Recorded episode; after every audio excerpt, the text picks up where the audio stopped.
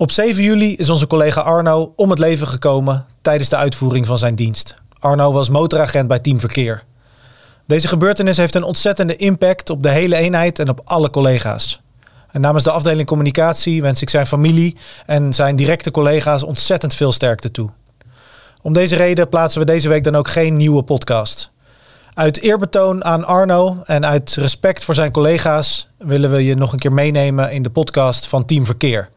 Het team waar Arno elke dag vol overgave zijn werk deed. In de podcast Edwin Tamboer van Team Verkeer. Welkom. Ja, goedemorgen Niels. Goedemorgen. Ja. Kan jij ons uh, nou ja, met de deur in huis vallen? Wie ben je en wat doe je? Ja, nou mijn naam is Edwin Tamboer. Ik ben uh, operationeel expert bij uh, Team Verkeer, ofwel de verkeerspolitie. In de volksmond wat beter bekend denk ik. En ja, operationeel expert is eigenlijk gewoon chef op een, op een afdeling. Dus ja, dat doe ik nou alweer zes jaar in deze functie. En daarvoor heb ik het ook een tijd gedaan met een tussenpauze van 12 jaar. Maar daar, uh, uh, ja, ik ben inmiddels zo'n 12 jaar uh, bezig bij verkeer. Um, wat kan je vertellen over teamverkeer? Wat, wat is het? Ja, trots als ik ben, moet ik natuurlijk zeggen dat het de mooiste afdeling van, van de politie is. Dus nee, het voordeel is, we zijn natuurlijk een specialistische afdeling. En ja, wij zijn denk ik best wel een beetje een sexy afdeling, als ik het zo mag noemen. Hè. We hebben natuurlijk wel heel veel uitstraling. We hebben natuurlijk prachtig materiaal. we hebben dure, mooie, snelle auto's en snelle motoren. Dus dat trekt natuurlijk heel, heel veel mensen aan. Um, maar goed, het is, ja, het is wel een prachtige afdeling, heel divers. Um, ja, eigenlijk bij alle afdelingen natuurlijk ook, je weet nooit hoe een dag eruit ziet. Maar uh, ja, het kan gewoon soms wel heel spannend zijn bij ons. Het ene moment uh, ben je bezig met een verkeerscontrole en het andere moment zit je in een achtervolging die ergens in, in België eindigt, bij wijze van spreken. Ja. ja is heel divers. Ja. En, mooi. En waar, waar bestaat het, uh, het, het, grote team verkeer uit? Hè? Want jullie hebben verschillende afdelingen, begrijp ik? Ja, dat klopt. Als we nou naar de dienst infra gaan kijken, waar wij eigenlijk onder vallen, dan hebben we het team verkeer. En die bestaat dan eigenlijk uit uh, de verkeerssurveillance. Zoals de meeste mensen dat kennen. Wij noemen dat verkeerssurveillance, maar het is eigenlijk de verkeerspolitie. dus dat zijn de mannen in de, in de snelle Audi's en op de motoren. Dan hebben we nog een verkeershandhavingsteam. Dat is ook een onderdeel van ons van dienst, team verkeer. En uh, dat zijn over het algemeen surveillanten en BOA's die zich bezighouden met de handhavingstaken. Dus die zul je vaak zien uh, in de districten bij grote verkeerscontroles, alcoholcontroles. Dat is een uh, zelfstandig operationeel team van ook bijna inmiddels 30 man. Met een aantal begeleiders die we uit onze eigen club selecteren. dus dat zijn ook hoofdagenten brigadiers die gewoon bij het teamverkeer werken en dan op, op relatiebasis af en toe een, een, een periode als begeleider meegaan met het verkeershandhavingsteam. Uh, dan hebben we nog een eh, afdeling nodale oriëntatie. Dat is eigenlijk een soort rechercheafdeling die zich bezighoudt met uh, criminaliteit op de autosnelwegen. En we hebben een afdeling verkeersexpertise. Um, dat is ook nog een afdeling die bestaat uit vijf mensen ongeveer. En die adviseren gemeentes en wegbeheerders vooral hoe zij wegen moeten inrichten. Ik kan je voorstellen dat er ergens een nieuwbouwplan komt of een, een herinrichtingsplan. Dan worden die mensen gevraagd om mee te denken en mee te praten over uh, hoe richt je nou uh, uh, je wegen in? waar moet je nou allemaal op letten? Dat is, zorgen dat de verkeersborden overal op de juiste manier geplaatst zijn, dat dat geen weerwaar wordt van borden en dat soort zaken. Dus die zitten voornamelijk in die advisering richting gemeente en wegbeheerders. Ehm, en dan hebben we als laatste, zeker niet onbelangrijk, onze eigen afdeling opsporing, teamverkeer. En die handelen eigenlijk de zware, complexe aanrijdingen af. Hè. Je moet je voorstellen, we, we hebben natuurlijk ja, dagelijks helaas te maken met, uh, met aanrijdingen. Een aantal daarvan die zijn best zwaar en die kwalificeren wij dan in uh, aanrijding met gewonden of, of zwaar gewonden. Uh, dat is zogenaamde artikel 6 zaken, artikel 6 van de Wegenverkeerswet. En ehm, ja, die handelen wij dan zelf af. En die, dan ontlasten we de basisteams en dan zeggen we, we nemen de zaak mee. En dan hebben wij een eigen opsporingsafdeling die opsporingshandelingen verricht in de breedste zin van het woord. Um, dus uh, ja, zij doen de onderzoeken uh, naar ah, hoe het gebeurd is hè, in samenwerking met onze verkeersongevalsanalyse team. maar ook het verhoor van de verdachte getuigen, eventueel camerabeelden uitkijken, dat soort zaken meer. En als je nou bij teamverkeer werkt, met, met wat voor dingen kom je zo al in aanraking? Ja, dat is natuurlijk heel divers. Kijk, uh, vroeger waren wij uh, echt uh, verkeerspolitie. dus dan waren we echt duidelijk bezig met alle verkeerstaken in de breedste zin des woords. En tegenwoordig zijn we meer politie in het verkeer. Dus we doen eigenlijk alle politietaken die, die collega's van de basisteams ook doen. Alleen wij beperken ons een beetje tot voornamelijk de oude snelwegen. Maar we moeten ook het onderliggend wegennet nemen wij natuurlijk ook mee. Ehm, dus we adviseren uh, assisteren collega's bij, bij aanrijdingen. wij doen zelfstandig natuurlijk verkeerscontroles, maar we doen ook bijvoorbeeld begeleiding van spoedtransport. Je moet je voorstellen dat ergens in de eenheid of buiten de eenheid zelfs een ernstig ongeval is en het slachtoffer moet vervoerd worden naar een van de ziekenhuizen in Rotterdam dat dat soms wel eens gepaard gaat met een begeleiding. Nou, daar, daar komen wij dan om hoek kijken. Wij vangen die ambulance op strategische plekken op en begeleiden hem dan naar, naar het desbetreffende ziekenhuis. Ja, dat is natuurlijk altijd wel een, een klus die, ondanks het triestere karakter, wel heel leuk is om te doen, zeg maar. Ja. ja. Maar, Want als je het hebt over leuke dingen om te doen. Je had het al natuurlijk even over het materiaal. Daar komen we zo meteen op, de voertuigen. Ja, maar wat zijn nog meer dingen die dit werk zo, voor jou zo leuk maken? Ja, als je bij ons werkt, we hebben een, eh, een, een klein team, een relatief klein team. Uh, ja, iedereen is heel zelfstandig, uh, maar toch zijn we echt een team. We hebben twee fantastische teamchefs die echt ook de verbinding in ons team hebben weten te brengen. Dus uh, ja, wij werken echt heel erg op basis van vertrouwen. Collega's krijgen veel vertrouwen dat ze gewoon zelfstandig dingen kunnen doen. Ze worden breed opgeleid. Hè. Ze krijgen natuurlijk uh, ten opzichte van collega's in andere teams uh, krijgen wij veel opleidingen. Dus ja, je kan echt alle kanten op. Dus je kan eigenlijk, als je een hobby hebt, dan kan je die bij ons uitoefenen, zeg ik altijd maar. Nou, motorrijden is natuurlijk een van de dingen ja, die heel veel collega's, je moet wel een beetje een, een, technische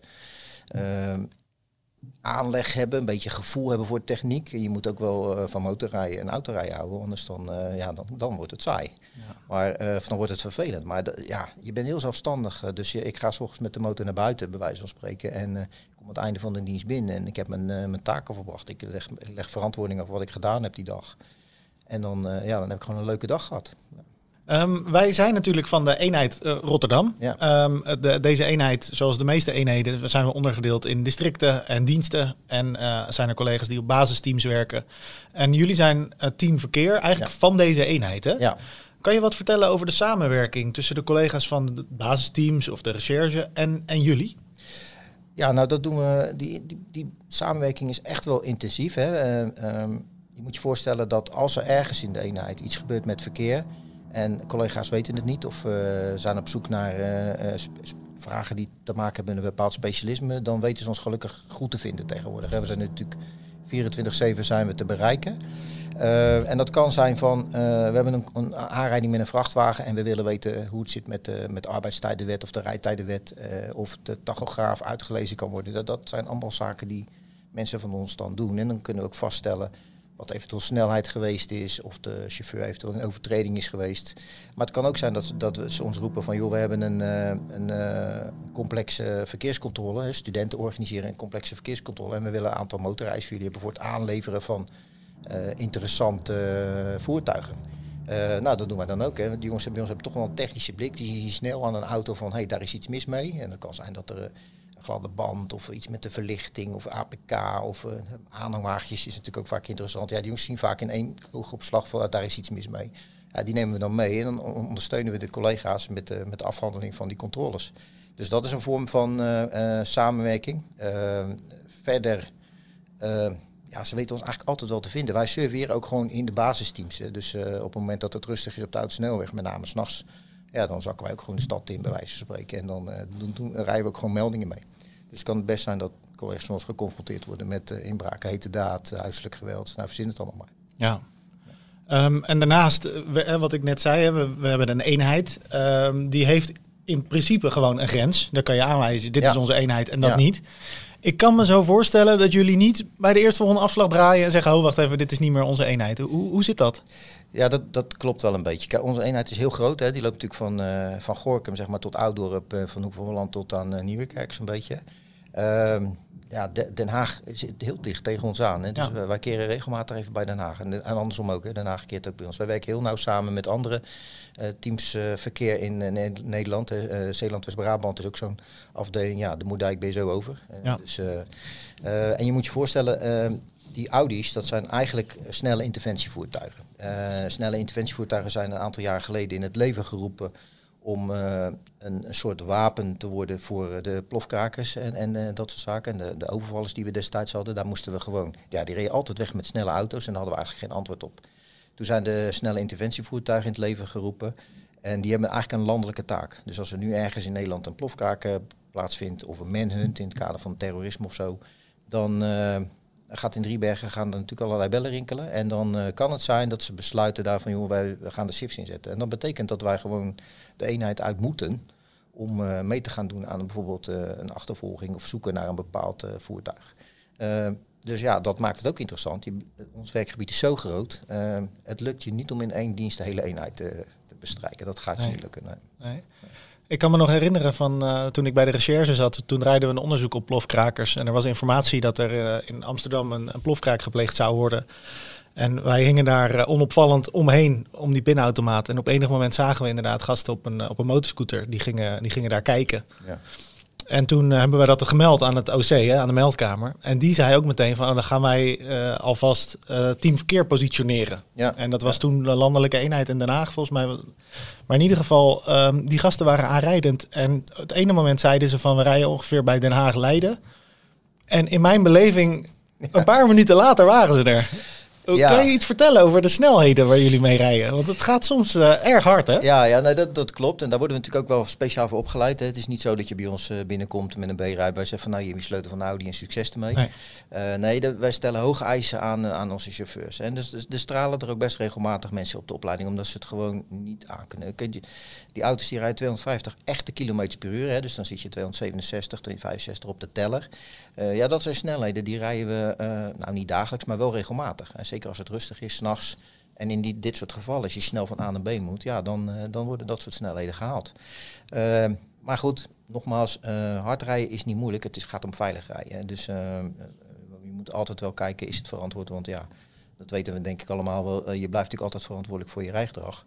Maar uh, ja, ik verbaas me ook wel eens dat, uh, om een voorbeeld te geven, dat is wel heel leuk, een uh, leuke anekdote. vrij recent moesten vanaf het EMC hier in Rotterdam Centrum een donororgaan met spoed naar Berg op Zoom. Ja, dat richt je 19 minuten. Ja, dat is best snel. Ja, dat is best snel. dat, is best, dat, is best, snel, ja. ja. En het was een rustige omstandigheid, dus het was ook tijdens de coronaperiode was er weinig verkeer op de weg, maar dan nog 19 minuten is een, uh, is een behoorlijke snelheid. Ja, ja want om, om daar even iets meer duiding aan te geven voor de mensen die niet weten hoe dat, hoe dat werkt. Hè. Wij hebben in principe ontheffing van het RVV, het reglement verkeersregels verkeerstekens. Op het moment dat er een noodzaak er is voor de politietaak. Klopt. Dus dat betekent dat je als politieagent bijvoorbeeld door rood mag rijden en uh, mag afwijken van, uh, van snelheidslimieten. ja. Maar daarmee zitten wij ook aan een brancherichtlijn. Dat, dat klopt. Die brancherichtlijn die geeft natuurlijk uh, uh, heel veel regels aan waarbij we in de basis niet harder dan 40 km te hard mogen rijden. Dat is gewoon die normale surveillance snelheid.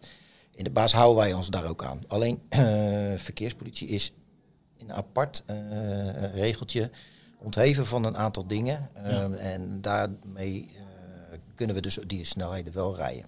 Maar we blijven nogmaals altijd verantwoordelijk. Alleen we zitten niet vast aan een meldingsplicht en dat soort zaken meer. Ja. Dus de, dat hebben de collega's van andere teams hebben dat wel.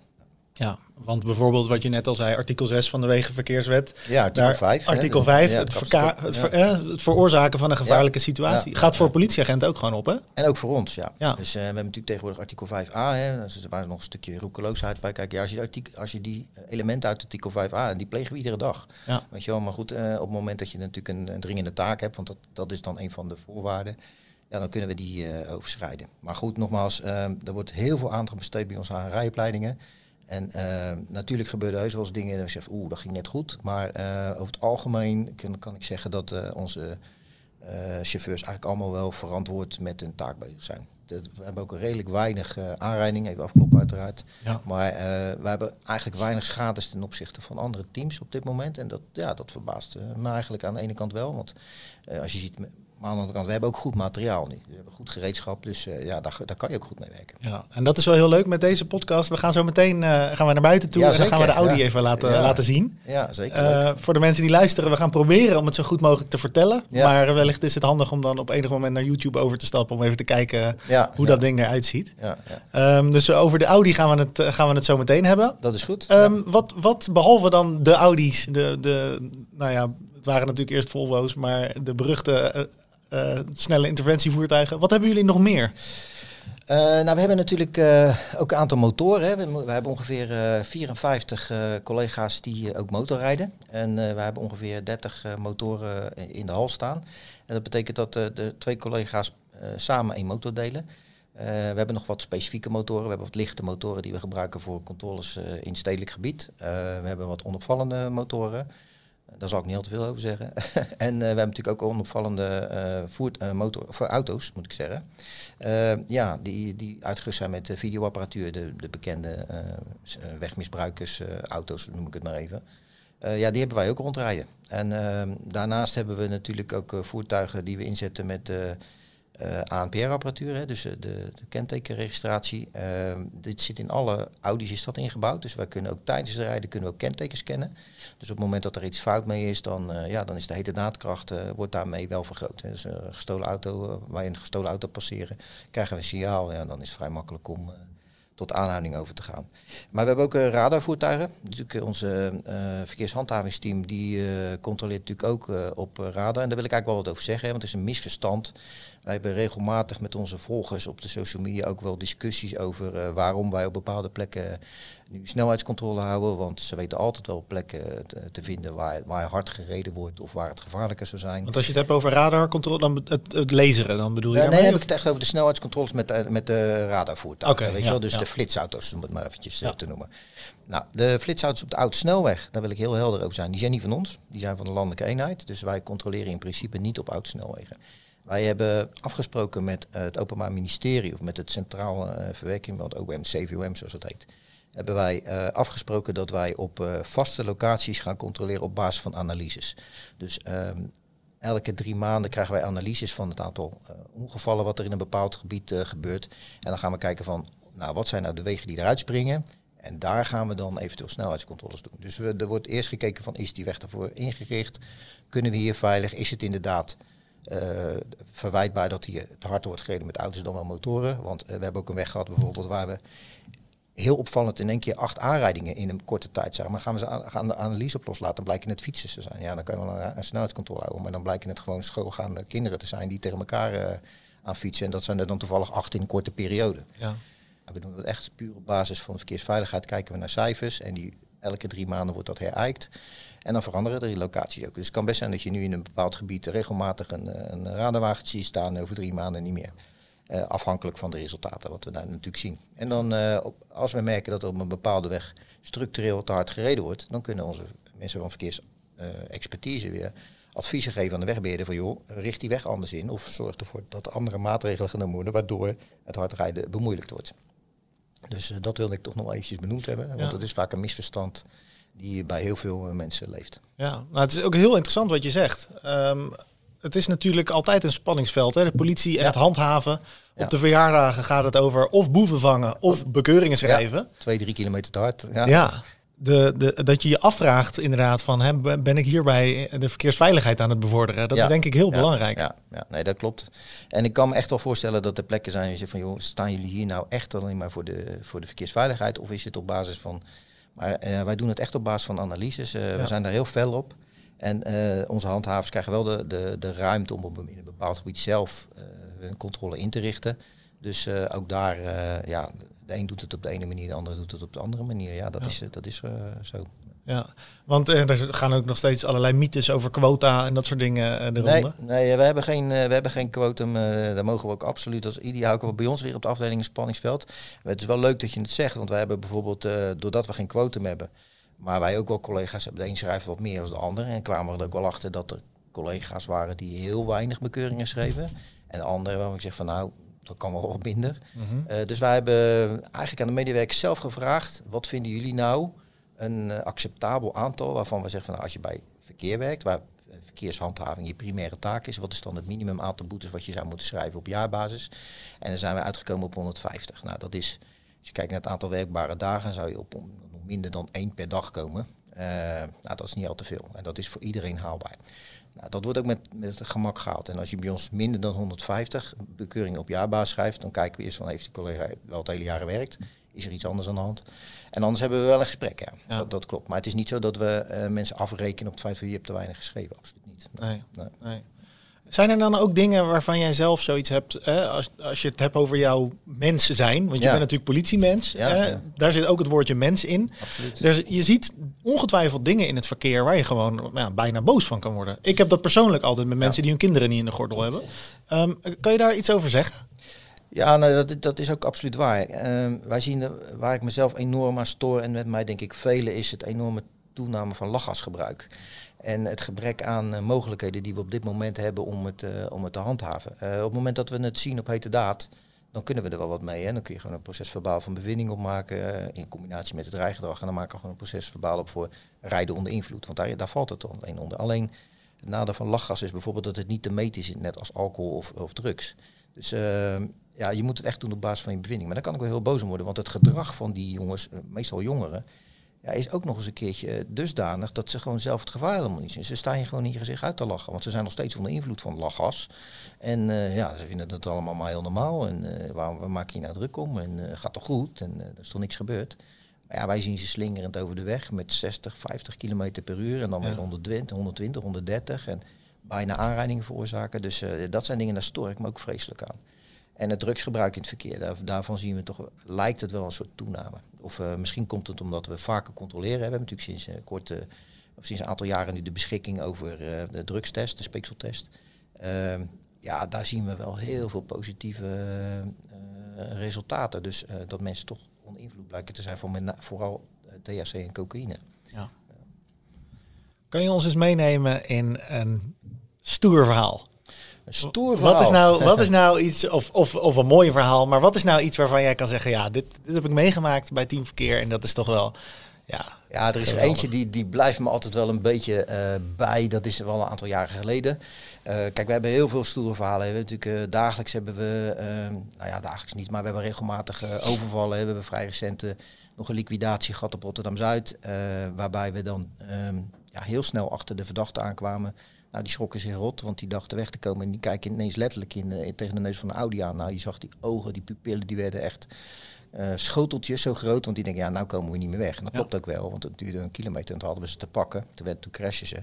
Omdat ze wel door hadden met, met hun auto, gaan we dit absoluut niet redden. Maar uh, wat ik zelf uh, uit mijn eigen ervaring kan, ja, het is een aantal jaar terug. We hadden een concert van André Hazes, die leefde toen nog, dus, dus het is al even geleden. En uh, ja, na afloop weet je dat er heel veel mensen onder invloed uh, bij Alweer weggereden. Dus wij hadden een soort van vliegende controle. Een aantal auto's waren op pad. En ik reed de A16 met mijn collega achter een auto waarvan wij dachten van oké, die zou wel eens onder invloed kunnen zijn. Dus we, we geven hem een stopteken. En toen stopten we nog op de vluchtstrook. Dat is nou helemaal not dan, maar toen stopten we nog op de vluchtstrook. Dus we deden een snelle controle. En ja, die man die bleek onder invloed van alcohol te zijn. Dus ik zei, nou, procedure van, die bent aangehouden, die moet mee naar het bureau. En uh, alleen die man die bleek in een rolstoel uh, te zitten. En de rolstoel stond achterin. En het contact liep niet zo heel vrolijk. Hij was, het was geen politievriend. Dus ja, de vloeken en, het was vloeken en tieren. Maar goed, we bleven rustig. Meneer, bent aangehouden, gaat gewoon mee. En, ja, maar ik zit in de rolstoel. Nou, neem de rolstoel mee. Dus nou, die, zijn vrouw was even uitgestapt om ons te helpen met het uh, uit de kofferbak halen van de rolstoel. en met dat we de rolstoel eruit hebben, geeft hij gas en rijdt hij weg. Dus uh, met achterlaten van zijn rolstoel en zijn vrouw. dus uh, ja, dat werd nog heel vervelend. Want ja, we hebben de rolstoel snel over de vangrail heen gegooid. En die vrouw bij ons achter in de auto. En dat werd een achtervolging. En ergens bij de meer, en net voor Utrecht, hadden we hem pas te pakken. Want ja, toen hadden we nog niet snelle Audi. Uh, en hij reed een hele snelle Mercedes. Ja. En, uh, dus het duurde even, toen hadden we hem te pakken. En toen uh, ging hij nog in verzet ook. Oh joh. Ja, dus wij kregen assistentie van collega's van Utrecht. Ja, en die zien het enige wat ze zien is dat ja, de verkeerspolitie zet de vent aan de kant. Er zit een invalide man in. En die gaan, daar gaan ze mee vechten. daar gaan ze mee vechten. Dus ik snap dat de beeldvorming iets anders was. Maar goed, dat is uiteindelijk netjes afgehandeld. Dus ja. Ja. dat zijn wel achteraf wel leuke anekdotes. Ja. ja. Hey, de mannen en vrouwen die bij het teamverkeer werken. Um, wat zijn dat voor mensen? Waar, waar moet je aan voldoen?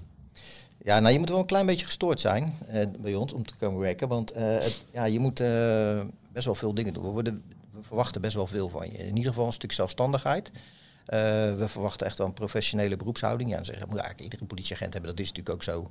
Alleen bij ons wordt verwacht dat je als specialist naar buiten treedt. Dus je moet ook de collega's goed advies kunnen geven. Als collega's bij ons komen, dat is een beetje onze... ja, onze dat zeggen, onze levensstijl of onze werkwijze. Een collega komt bij ons met een vraag en die moet gewoon antwoord krijgen. En uh, nou, ik probeer altijd maar een beetje de voor, uh, centraal beheer als voorbeeld te nemen. Degene die aan de telefoon krijgt, die zorgt ervoor dat die zaak afgehandeld wordt. Dus uh, die service naar de collega's toe, die vinden we heel belangrijk. Wij zeggen ook in principe altijd ja, tenzij. Vroeger was dat het, nee, kan niet. Kan, nu gaan we kijken, wat kan er dan eventueel wel. We krijgen heel veel verzoeken van collega's. Uh, joh, denk eens mee, we willen graag dit of dat. Nou, soms kan het ook gewoon echt niet. Maar dan gaan we kijken, nou, wat, kan, wat kunnen we dan eventueel wel doen? Weet je, om toch die collega's tevreden te houden. Dus uh, ja, je moet wel een beetje servicegericht zijn. En zoals ik al zeg, je moet wel een beetje gek zijn van techniek. Hè? Want het, uh, de ene keer lig je onder een auto om uh, de technische staat van een voertuig te controleren. De andere keer kruip je in een vrachtwagen. Ja. twee tellen later ben je weer bezig met een reanimatie of met een spoedtransport. Dus ja, het is heel veelzijdig gewild. En daar moet je ook wel een beetje tegen kunnen. En hoe, hoe word je verkeersagent? Ja, uh, nou ja, wij vragen wel een aantal jaren ervaring aan de baasteams. En uh, we hebben het geluk eigenlijk dat als er bij ons een vacature komt, dat we zoveel aanmeldingen krijgen dat we echt alleen de beste van de beste kunnen kiezen. Gaat natuurlijk wel eens mis, maar over het algemeen kunnen we zeggen dat de collega's die wij krijgen, ja, dat zijn nou allemaal toppers. Allemaal wel gasten die geknijst zijn in het werk, de handen uit de mouwen durven stropen, niet achteroverleunen, maar gewoon aanpakken weten. Uh, om maar een voorbeeld te noemen, uh, als het gaat over werkethos en, uh, bereidheid om te werken. vrij recent hadden we in de avonddienst was er een grote brand ergens in Zevenkamp. En wij hoorden dat daar mogelijk ontruimd moest gaan worden en dat er misschien wel meerdere ambulances naartoe moesten. Dus wij dachten, nou, dat zou wel eens wat voor ons kunnen worden. Dus ik bel met de, OVDP en ik zie, ik hoor je melding, we denken mee, we zijn er nu, met voldoende mensen heb je ons nodig. Nou, dat was even eh, overleg. En uiteindelijk werd er gezegd, nee, we, hebben jullie niet nodig. Dus ik zei, weet je het zeker? Want onze mensen gaan zo naar huis. En dan hebben we de nachtdienst, heb je er nog maar twee. Dus uh, als je zegt, ik weet het niet, dan hou ik ze nog even hier. Nee, het was niet nodig. Nou, je raadt het al. Iedereen toch was wel. net naar huis. En toen belden ze, ja, ik heb je toch nodig. Nou, op dat moment ren ik naar de kleedkamer en er stond het merendeel stond al omgekleed. Sommigen waren al bij de auto en één belletje. En binnen tien minuten was iedereen op de motor en, uh, en uh, onderweg naar Zevenkamp om daar, die, om daar, daar te gaan helpen. Ja, dat heb ik nog nergens gezien hoor, op die manier. Nee. nee, Dus uh, dat, uh, dat, dat geeft je dan wel een gevoel van trots, van we, we doen het wel met z'n allen. Ja. Ik kan me ook wel voorstellen dat er een sterk, uh, sterk groepsgevoel op zo'n afdeling heerst. Ja, nou zeker. Uh, je ziet het vooral terug als wij een belangrijke klus hebben. Wat, wat bijvoorbeeld heel mooi is om te doen, dat zijn bijvoorbeeld de verkeerstechnische begeleidingen, zoals dat heet. Dat, dat doen wij de, of de VIP-transporten. Uh, ja, dan willen we ook een gelikt plaatje laten zien. En dan zijn we ook heel streng naar elkaar. En dan spreken we van tevoren af welk tenue doen we aan. Nu is dat wat makkelijk, omdat het tenue eigenlijk uh, niks meer aan is. allemaal hetzelfde. Maar we hebben een tijdje gehad, dan hadden we en leren kleding en Cordura kleding en leren broeken, zomerbroeken, winterbroeken. Dus uh, ja, dan was het wel eens een beetje een allegaartje. Ehm, ja, en de gemiddelde burger ziet het misschien niet, maar wij, willen, wij zien het wel. En als je dan zo'n opdracht krijgt, die moet met vijf of zes man een begeleiding doen, ja, dan ontstaat er iets. Dat is niet te omschrijven. Dan gaat iedereen in een soort van presentatiemodus. Die zorgt ervoor dat de schoenen gepoetst zijn, dat er de juiste kleding hebt, dat de motoren gewassen zijn. En dan, eh, ja, dan staan we daar en dan, dan is dat zo strak en gelikt. En we hebben natuurlijk vrij recent uh, best wel wat uh, uitvaarten moeten begeleiden. Helaas. Ja, waar ik dan zelf deel van uit mag maken. Maar als je dan, dan gedaan hebt, dan geeft zo'n gevoel van trots dat je dat op een mooie manier gedaan hebt. En dan zie je die, die samenhorigheid, die, die teamspirit, die zie je terug. En dan koert er niemand of die een half uurtje langer moet blijven, of een uurtje langer moet blijven. Helemaal niet. Nee. Nee, en dat is natuurlijk intern waanzinnig belangrijk, maar ook naar buiten toe. Hè? Ja. Je bent dan wel eh, op dat moment de crème de la crème van de politie ook. Ja, nou, we krijgen ook altijd zoveel complimenten over de manier van jongens. Dat zag er nou zo super strak uit. We oefenen dat ook regelmatig. En zeker voorafgaand aan zo'n uh, aan zo'n begeleiding, dan uh, zoeken we ook nog even stil plekje. Joh, nemen we nog even de commando's door. En dan dat het ook allemaal gelijk gaat, weet je, want we willen dat gewoon strakke uitzien. Dat moet gewoon militaristisch uh, zijn. Ja, want jullie gaan dan allemaal eh, staan hè, naast ja. Kan je daar even over vertellen hoe, in, het, in het kort? Hoe, hoe, gaat dat? Ja, nou ja, eh, we hebben, we hebben vaste commando's. Hè, dus uh, we staan in principe uh, um, ja, bij, een, bij een VIP is dat, of bij een begrafenis, maakt eigenlijk niet zoveel uit. Die procedure hetzelfde. Je staat in de houding naast je motor met je gezicht naar het, naar het subject of naar het transport, wat we, zoals we dat dan noemen. Uh, ja, en dan is het op enig moment groet brengen als dat nodig mocht zijn. En dan geeft de commandant, die geeft de commandant op de motoren nu. En dan zie je dat allemaal tegelijkertijd de benen. Nou, dan gaat automatisch gaan de motoren recht overeind. De jiffies worden ingezet. Daar staat iedereen dan met zijn koppeling in. De startknop staat al aan. En ze start de motoren nu. Dan hoor je één knopje. En dan hoor je alle motoren tegelijkertijd aan. Dat is vaak mooi. En dan geeft hij het uh, commando eh, naar voorwaarts nu. En dan gaat het heel langzaam rijden. En dat gaat dan, ja, je kijkt naar elkaar, je voelt dat aan. En ja, dat is wel hogeschool rijden hoor soms. Want ja. uh, we hebben het laatste stuk met uitvaart van uh, collega gehad. Eh, ja, dan rijden we zo langzaam. Ja. Ja. dan, eh, dan vallen die motoren bijna uit. Hè. Dus Ja. eh, dat is echt wel. En, die wil niet dat het allemaal schokkerig en. Nee. Dus ja, dat is echt wel. Eh, vergt, eh, Ja, dat voertuigbeheersing. vergt wel wat voer, voertuigbeheersing. Ja. Maar het is super leuk om te doen. ondanks vaak de trieste gebeurtenis natuurlijk. Ja. Over trieste gebeurtenissen gesproken. ehm, er vindt nogal wat plaats op de wegen. Ehm, ook veel ellende. Ja, absoluut. Ja. ja, wij hebben inderdaad dan moet je je dus ook realiseren, mocht je ooit interesse hebben om bij ons te komen werken, dat eh, eh, ja, alle dodelijke aanrijdingen, eh, die zijn voor ons. Dus daar ben je bij op de een of andere manier. En we hebben een aantal collega's die, die lijken er een soort abonnement op te hebben. Ehm, ja, die, die hebben er heel veel, dus die houden we ook echt goed in de gaten. We hebben afgelopen jaren is daar gelukkig wel heel veel aandacht voor. We krijgen één keer per jaar een mental check-up, dus dat, we ook de, mentale gesteldheid van de collega's in de gaten houden. Maar we zijn ook wel, we houden elkaar echt goed in de gaten. houden. Vrij recent hebben we dan weer een aantal overlijdsgevallen waar baby's bij betrokken zijn of jonge kinderen. Eh, ja, dat hakt er bij iedereen in. Dus eh, ja, als je dan toevallig dat twee keer hebt, ja, dan gaan we al tegen zo'n collega, hoe gaat het nou met je? Want eh, je hebt dat nou weer meegemaakt. En, dus, dus ja, dat is helaas zo dat we daarmee te maken hebben. We proberen de collega's wel zo. eh ga het niet opzoeken. Als je het slachtoffer niet hoeft te zien, doe het dan niet. Weet je, dat is, ik heb daar, vroeger had ik daar ook een houtje van om altijd maar te willen kijken. En daar ben ik wel een beetje mee gestopt. Want ja, je hebt zoveel ellende. Die, op een gegeven moment is je emmertje vol. Ja. Dus wij hebben best een aantal PTSS-gevallen op de afdeling gehad. Gelukkig eh, zijn het er nu eh, wat minder en eh, kunnen we een aantal collega's helpen. Maar we hebben ook helaas afscheid moeten nemen. En we gaan ook afscheid nemen binnenkort van eh, collega's die, eh, ja, die het niet meer trekken. Zeg maar. Dus die, Nee. niet meer gewoon in het arbeidsproces terugkeren. Dat is heel spijtig. Want doen jullie ook dan slecht nieuwsgesprekken als jullie ergens bij ter plaatse zijn geweest? Eh, nee, dat proberen we te voorkomen. We hebben wel afspraken gemaakt. eh, daarom is het fijn dat we natuurlijk een opsporing eh, teamverkeer hebben. Dus die werken heel nauw samen met familieagenten, bijvoorbeeld aan de basisteams.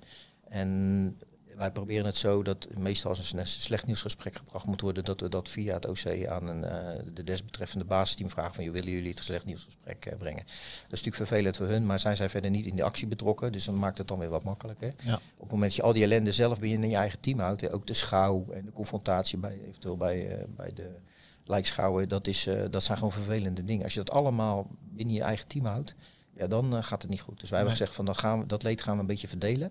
Dus niet iedereen eh, wordt daarmee geconfronteerd, zeg maar. Ja. ja, wel heel begrijpelijk. Ja, ja. Wat, wel, wat ik daar zelf eh, moeilijk aan vind, is als je een slecht nieuwsgesprek moet, moet voeren en je, je gebrekkige informatie, dan kan het heel erg onwenselijk zijn. Ja, dus dat is een taak voor ons om, Ja. eh, om mensen inderdaad eh, goed geïnformeerd eh er naartoe te sturen. En eh, ja, ik moet zeggen, over het algemeen eh, hoor ik daar weinig eh, problemen Ja, En Jij, doet het werk iets langer dan, eh, dan kort. Hè? Je, doet, je zit er al best een tijdje in. Ja. Ehm, heb jij in de, in de loop der jaren ook de cultuur binnen teamverkeer daarin zien veranderen? We weten allemaal dat de politie vroeger meer van eh klap op je schouder en doorgaan. Ja. En dat er ook steeds meer, ehm, nou ja, steeds meer aandacht komt voor brieven, debrieven, praten over hè, hoe, hoe zit je nog in je kop, gaat het? Gaat het? Ja. Eh, hoe- kan je daar wat over vertellen?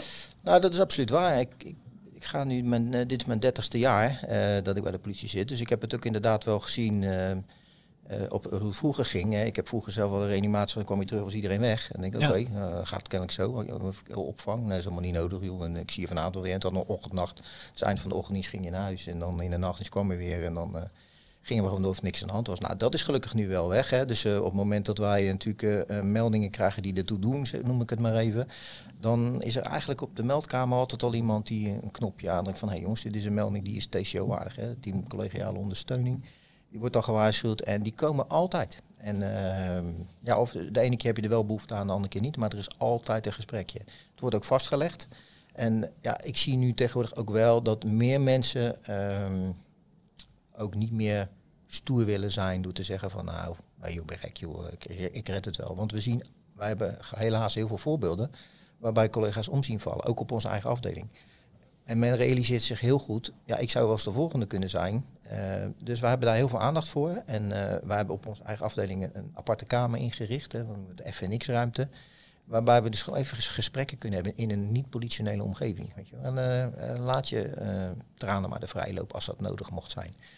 En ik moet zeggen, ja, bij ons op de afdeling uh, gebeurt dat ook regelmatig. En uh, zijn collega's echt wel open en uh, vrij om hun gevoelens te delen. Dus, het heeft alles te maken met vertrouwen. Vertrouwen in elkaar, vertrouwen in de leiding vooral. wij hebben echt een leiding die heel veel aandacht heeft voor het personeel. Hè. Dus we hebben vorig jaar bijna op ons sodemiet gehad dat we te veel bloemen hadden besteld. Nou, oh, ja. Als dat nou het enige is, ja, ja, precies. om maar eens even te noemen. Nee, daar, zijn we, daar hebben we veel aandacht voor. Dus, en, dat, en dat wordt gewaardeerd. Ja, dat denk ik ook. Ja, absoluut. Ja. En ja, ontzettend belangrijk. Ik denk dat ik, ik ja, ja, ik ben ook echt een ambassadeur van brieven en debrieven. En ook. Uh, ja, nou, dat, kan altijd wel beter, hè? Want uh, ik, ik vind wel dat soms hebben we wel eens een, een actie gedraaid. Of, uh, en dan zijn we natuurlijk vaak afhankelijk van, ja, de verdachte is aangehouden. We gaan naar een basisteam, moeten snel even op papier zetten. En dan gaan we weer door met werk. En dan ontbreekt het wel eens aan debrieven. Ja, dat vind ik wel belangrijk, want ik vind wel dat je moet leren van de dingen die je gedaan hebt. Als het goed gaat, is het goed. Ja. Dan kan je dat benoemen. Maar je kan ook wel eens benoemen van jongens, wat kan, kunnen we nou volgende keer beter doen? En dat doen we nog, daar zit nog wel verbetering in. We doen het wel, maar dat kan altijd nog beter. Ja, ja. Ik wil het heel even met je hebben over, over verkeersongevallen. Maar ja. dat, dat is toch vaak uh, zien mensen dat. Ja. Of je staat in de file, staat er weer een rijstrook afgekruist terwijl het niet nodig is. Ja. Uh, in de ogen van. Hè. Maar zou jij ons eens kunnen meenemen in het proces van wat gebeurt er nou? Hè? Er vindt een flinke klapper plaats. Er ligt een bumper op rijstrook 2, er ligt een auto op zijn kop. Um, wat gebeurt er? Mensen gaan bellen en dan? Ja, nou dan uh, gaan er een aantal uh, alarmbellen af bij verschillende eenheden natuurlijk. Uh, waarschijnlijk ook bij de, bij de brandweer, bij Rijkswaterstaat. bij ons gaan er natuurlijk alarmbellen en dan al die diensten gaan ter plaatse. En dan is het vaak zo dat Rijkswaterstaat zorgt dan al heel snel voor afsluiting van het bepaalde weggedeelte, misschien wel een hele snelweg. En wij moeten dan eigenlijk, uh, onze eerste zorg gaat naar de hulpverlening. Uh, dus uh, de brandweer en de GGD zullen zich bezighouden met eventuele slachtoffers. En aan de hand van ernst van de zaak, hè, dan, ja, dan komt onze expertise om te kijken. Moeten wij hier een compleet verkeersongevalsonderzoek doen? Of is het dusdanig duidelijk dat we heel snel de weg vrij kunnen doen? We noemen dat incidentmanagement. Incidentmanagement is iets waarbij we met diverse partners met elkaar in een overlegstructuur gaan en zeggen, wat moet er nu gebeuren? Alles gericht op eerste instantie de hulpverlening en daarna om te kijken wat kunnen we nou doen aan uh, eventuele sporen veiligstellen. Wat moet er nog in het uh, onderzoek gedaan worden. En als blijkt dat er een uh, grootschalig onderzoek gedaan moet worden, ja, dan, dan gebeurt het dat we als een hele snelweg af moeten sluiten. Ehm, weet dan dat we alles op alles zetten om dat zo snel mogelijk te doen. Maar we willen wel dat het zorgvuldig gebeurt. En dat zal jou maar overkomen. En dat je daar bent en de politie raffelt het even af. Waardoor je later in de problemen komt. En we hebben nog niet uh, vrij recent hebben we zo'n incident gehad waarbij we een compleet snelweg af moeten sluiten. was heel, heel, ik ga niet te diep op in, omdat die zaak die is vrij recent en mensen zouden zich misschien kunnen herkennen hier in deze zaak. Maar uh, ja, daar is op een gegeven moment wel iemand bij overleden. Uh, nou, dat is ernstig. Daar is een, gezinsdrama op die snelweg en dan moeten we de weg even sluiten. En we gaan dan zo snel mogelijk ook kijken eventueel met ons verkeershandhaving zien van joh, kunnen we de mensen zo snel mogelijk omleiden. Rijkswaterstaat gaat omleidingsroutes instellen. Uh, media wordt ingezet via de snelweg is afgesloten, zoeken een alternatieve route.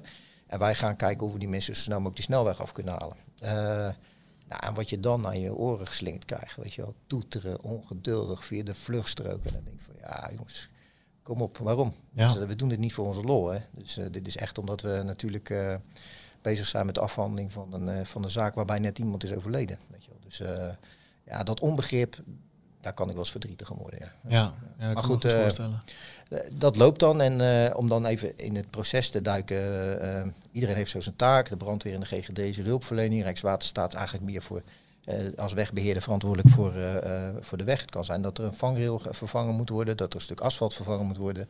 Uh, die zorgt ook vaak voor berging uh, van uh, desbetreffende voertuigen. En wij kijken puur technisch naar het ongeval. Om te kijken veel, wat is nu de oorzaak van het ongeval? Is er een stuk verwijtbaarheid, een stuk roekeloosheid? Dan kan het zijn dat je te maken krijgt met een verdachte. dus moeten mensen misschien aangehouden worden. En dan komt onze opsporingsafdeling om de kijken. En die gaan zich dan bezighouden met het opsporingsonderzoek van zo'n aanrijding. Ja. Ja, want mensen beseffen zich vaak niet dat er inderdaad een. Uh, het gaat niet alleen om het incident zelf. Er zit een waanzinnige staart aan, ja. eigenlijk voor alle betrokkenen. Ja, klopt. Met letselschade, afwikkeling, uh, ja. rechtszaken, uh, nou ja, strafrecht soms. Ja, ja nee, dat klopt. Kijk, wij hebben als politie natuurlijk laten soms best wel eens een steekje liggen, denk ik, als het gaat om verkeersongevallen. Hè. Dus wordt heel snel afgedaan van ja, vul maar even schadeformuliertje in, terwijl er soms best wel serieuze onderzoeken mogelijk zijn. En dan zie je vaak dat burgers achteraf uh, best wel moeite moeten doen om een schadeverhaal te krijgen, omdat de politie niet altijd uh, de zaak goed verant verantwoord heeft. Dus wij hechten daar wel heel veel waarde aan en zeggen van jongen, luister, uh, probeer altijd te verplaatsen in het feit dat jij dat het jou kan overkomen. En dan wil je ook dat de mensen hun zaken goed afhandelen.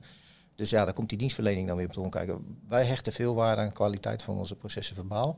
Uh, en dat, dat de mensen ook inderdaad uh, goed geholpen worden. Dus dat ook een soort uh, ja, nazorg is ja. om te kijken van joh, is alles nou naar tevredenheid gegaan. Ja, dat proberen we zo goed mogelijk te doen. En, en natuurlijk gaat het wel eens mis, maar we doen hier allemaal ons best. Is het ook moeilijk dat um, Kijk, als jij een inbreker uit een woning trekt, dan is het heel duidelijk dat je te maken hebt met een verdachte. Ja. Um, soms houden jullie ook mensen aan die uh, verdachten zijn, waarbij er een vermoeden is van schuld, maar waarbij je eigenlijk ook door het hele incident slachtoffer bent. Ja. Ik bedoel, Ja. dat, dat, Ja, dat is wel eens triest. Ehm, kijk, iem- eh, vrij recent hebben we een, eh, een grote aanleiding gehad bij, een, eh, bij iemand die rijdt iemand anders eh, dood in de vrachtwagen. En eh, dan weten we de oorzaak niet. Ja, dan eh, denk ik, ja, op- jij bent wel de chauffeur van de vrachtwagen die net iemand heeft doodgereden. Eh, we moeten nog onderzoek gaan doen, eh, maar op dat moment ben je wel verdachte.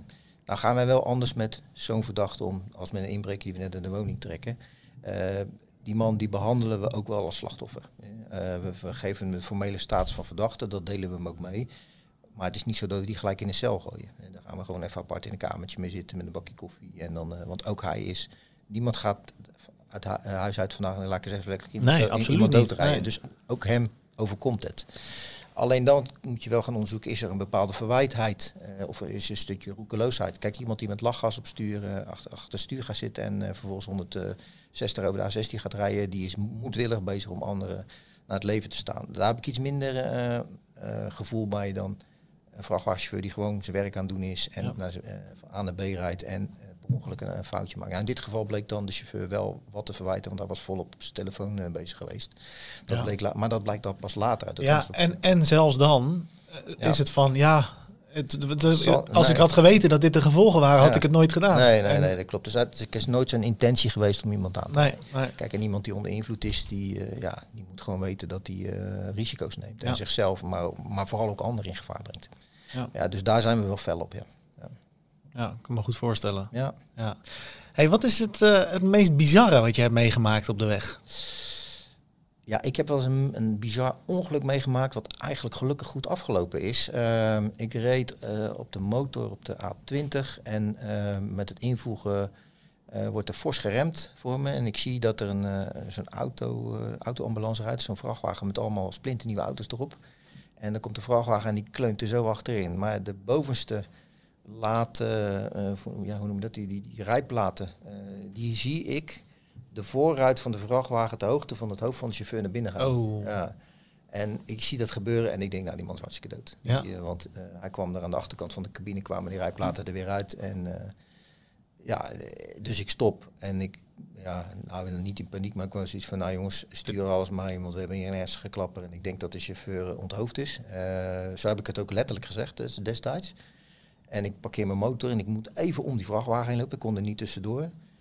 En ik trek die cabine open en ik zie helemaal niemand. Ik, hè, dus ik zag wel een beetje bloed, maar ik zag verder niemand. En er staat een man voor me. Nou, ja, ik moest altijd gelijk denken aan uh, Basje en Adriaan. Het was net uh, Basje de Clown, zo'n mannetje. Zo, als je me nou zegt, hij, wat mij nou gebeurt. Oh, ja. zo. Ja.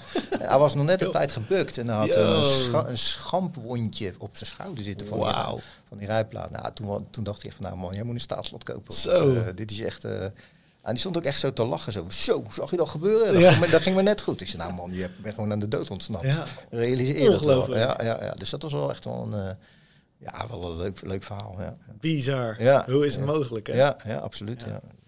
Hey, er, er zitten eh, ongetwijfeld mensen naar, eh, eh, naar deze podcast te luisteren die zelf ook in, zich in het verkeer be- begeven. Ja. Kan bijna niet anders. Nee, nee, dat klopt. Ja. Heb, jij een, heb jij een tip of een advies of een boodschap voor de, voor de weggebruikers van, van Nederland?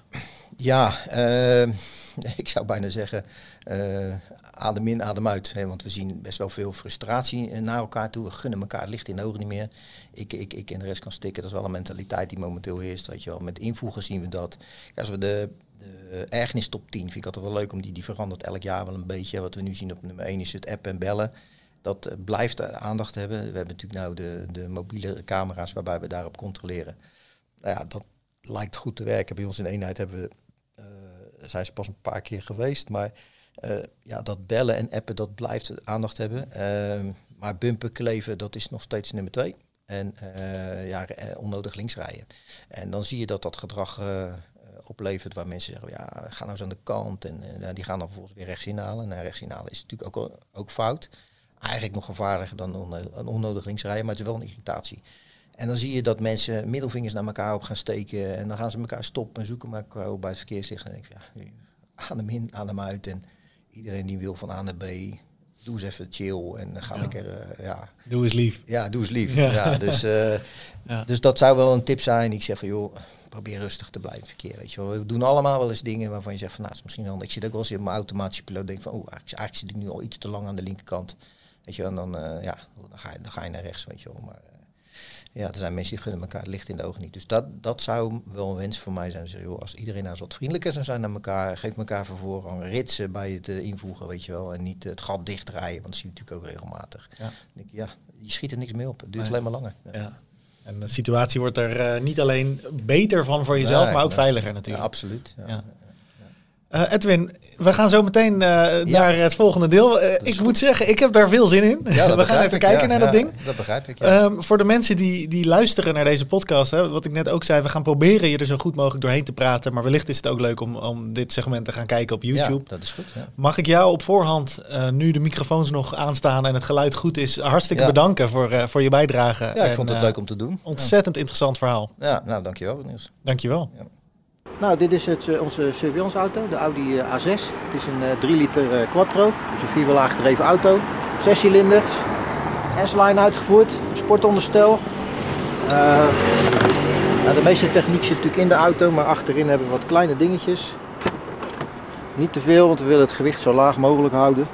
Maar we hebben uiteraard uh, coronapakketten en AED voor eventuele hartreanimaties, uh, kogelwerende vesten, een hoogtemeter, omdat we uh, voertuigen moeten kunnen meten.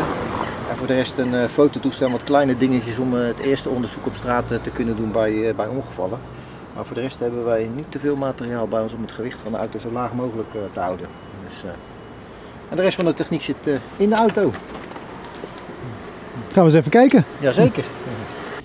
Nou, we zitten nu in de auto. Ja, het is gewoon een normale standaard Audi A6 met een hoop politieapparatuur erin. Uiteraard uh, een mobielefoon, uh, bedieningsapparaat voor het tekstbord achterin, zwaarlicht en sirenes en wat aparte verlichting.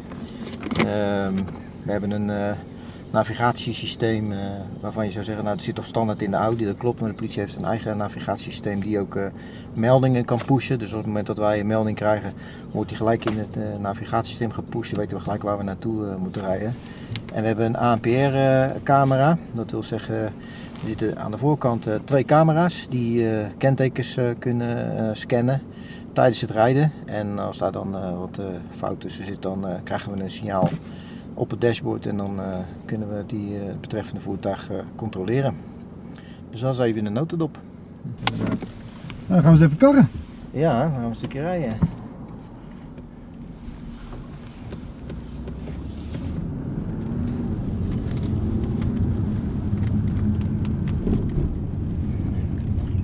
En wat kan je vertellen over de nieuwe strijping? De strepen zijn aangepast, toch? Eh, vrij ja, dat klopt. Er is natuurlijk uh, landelijk is er ineens besloten dat uh, de strijping anders moest. Kennelijk is er een soort onderzoek geweest waaruit blijkt dat met name de rode kleur in de oude situatie niet voldoende lichtgevend was of reflecterend was. En die, de rode strijping in een nieuwe strijping is dat wel. Ze hebben ook gelijk gekozen om hem breder te maken. Ja, het is een kwestie van smaak. Ik moest er heel erg aan wennen. Ik vind het op sommige auto's ook niet mooi. Maar op de Audi vind ik het wel meevallen eigenlijk. Maar uh, ja, dat is nogmaals smakenverschillen. Want er zijn collega's waar die vinden het nog steeds uh, foei lelijk. Op de motoren moet ik zeggen dat ik het wel mooi vind. Want er zijn de afmetingen hetzelfde gebleven. Alleen de kleur is uh, rood. En ik vind okay. de kleur rood op zich wel mooier dan het oranje. Ja, ja, ja. ja. En voor de mensen die het niet weten, waarom, waarom hebben we eigenlijk strepen? Ja, dat is een hele goeie. Uh, die strepen hebben een functie, die zijn ook in een bepaalde richting. Hè. Op het moment dat wij bij een aanrijding komen, dan uh, heb ik in, de podcast ook al gezegd dat we incidentmanagement gaan volgen. Dat betekent dat we de wegen af gaan zetten, het verkeer gaan beveiligen en dat doen we allemaal volgens bepaalde procedures. En dan zetten we de auto in een zogenaamde fend-off positie. Dat betekent dat we hem schuin achter de auto zetten, 100 meter achter het incident. En op het moment dat je aankomt rijden, dan reflecteren de strepen dusdanig op dat je automatisch uh, geleid zou moeten worden in de juiste richting. Dus uh, de agent moet de auto wel in de goede richting zetten, anders stuurt hij de vangrail in. maar uh, nee, de, die, die strepen hebben dus de, wel degelijk een functie. Uh, die zorgen ervoor dat je de juiste kant op geleid wordt. En ja, wij zijn natuurlijk ook wel beter zichtbaar in het donker. dus dat is wel even heel belangrijk. Ja. Je had het net al even over de ANPR, het nummerplaatregistratiesysteem. Ja. en daar kan je dus een hit op krijgen. Ja. Wat, Voor, wat voor hits kan je daarop krijgen? Ja, we hebben dat kunnen we een beetje instellen. We hebben een aantal uh, lijsten die we kunnen uh, bekijken. Uh, dat zijn uiteraard natuurlijk gestolen voertuigen. Maar we kunnen ook voertuigen erin zetten waarvan we weten dat de bestuurder een, een rijontzegging heeft. Of een tijdelijke rijontzegging, een ontzegging voor het besturen van een motorrijtuig. we hebben een lijst valse platen, omdat we weten dat er in Nederland een aantal voertuigen dubbel zijn. Om bijvoorbeeld te noemen, er rijdt hier nu een Ford met een bepaald kenteken en 10 minuten later passeert datzelfde kenteken in Groningen, dan weten we dat klopt niet. Dan, dan komt dan een analyse van en dan worden die kentekens worden in het APR gezet. En dan kunnen we controleren welke dan de echte is, zeg maar. Dus ja, vooral ook veel voertuigen waarvan we weten dat er iets met de kentekens niet in orde is. Bijvoorbeeld te noemen, uh, als je een kentekenbewijs kwijt bent of er is iets gebeurd, dan krijg je vaak een duplicaat kenteken. niet iedereen is daar even zorgvuldig in en die hebben dan bijvoorbeeld één plaat met een eentje en de andere niet. Maar daar werk je eigenlijk een beetje fraude mee in de hand. Want op het moment dat jij geflitst zou worden eh, terwijl je een duplicaat kenteken hebt, dan moet dat eentje op die foto terug te zien zijn. Is dat niet het geval, dan zouden we te maken hebben met valse kentekens. Ja. Dus daar wordt heel veel mee gefraudeerd en daar zitten wij bovenop. Dus wij pakken ook eigenlijk wekelijks wel eh, voertuigen waarvan we weten dat ze met valse kentekenplaten rijden. Bewust wel onbewust. Maar ook, ja, er is gewoon heel veel fraude mee met kentekens op, dit moment. Dus ja, die proberen we op die manier een beetje aan te pakken. En dan zijn we nu echt bijna aan het einde van deze podcast gekomen. Na een mooi ritje in de Audi zette Edwin mij weer af op het hoofdbureau van de politie en vervolgde hij zijn weg als officier van dienst bij Team Verkeer.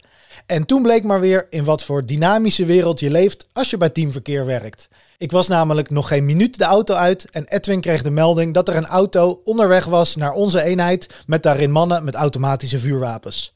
Team Verkeer ging natuurlijk met spoed ter plaatse en wist de auto al snel te onderscheppen. Gelukkig voor alle betrokkenen bleek het te gaan om een speelgoedwapen en bleek de situatie mee te vallen. Maar het geeft maar weer wel aan in wat voor dynamische wereld je leeft als je werkt bij Team Verkeer. Bedankt voor het luisteren of kijken naar deze aflevering van Boeiend over Team Verkeer. Ik hoop dat jij het een boeiende aflevering vond. Het idee om op locatie een stukje te filmen, dat idee hebben we al een stuk langer. Maar om het ook in deze aflevering erin te vlechten, dat was eigenlijk een beetje op het eh, laatste moment besloten. Ik hoop dat er genoeg van over is gebleven om jullie een uh, leuk en interessant kijkje achter de schermen bij Team Verkeer en natuurlijk vooral in de Audi te geven. Mocht je nou suggesties of ideeën hebben van podcasts die jij graag nog een keer voorbij zou willen komen, stuur dan een berichtje via social media. Ehm, of laat even een berichtje achter in de comments onder YouTube. Vergeet ook niet te abonneren op ons YouTube-kanaal of in je favoriete podcast-app. En dan zien we elkaar heel graag over twee weken in de volgende aflevering van Boeiend. De podcast van de politie Eenheid Rotterdam.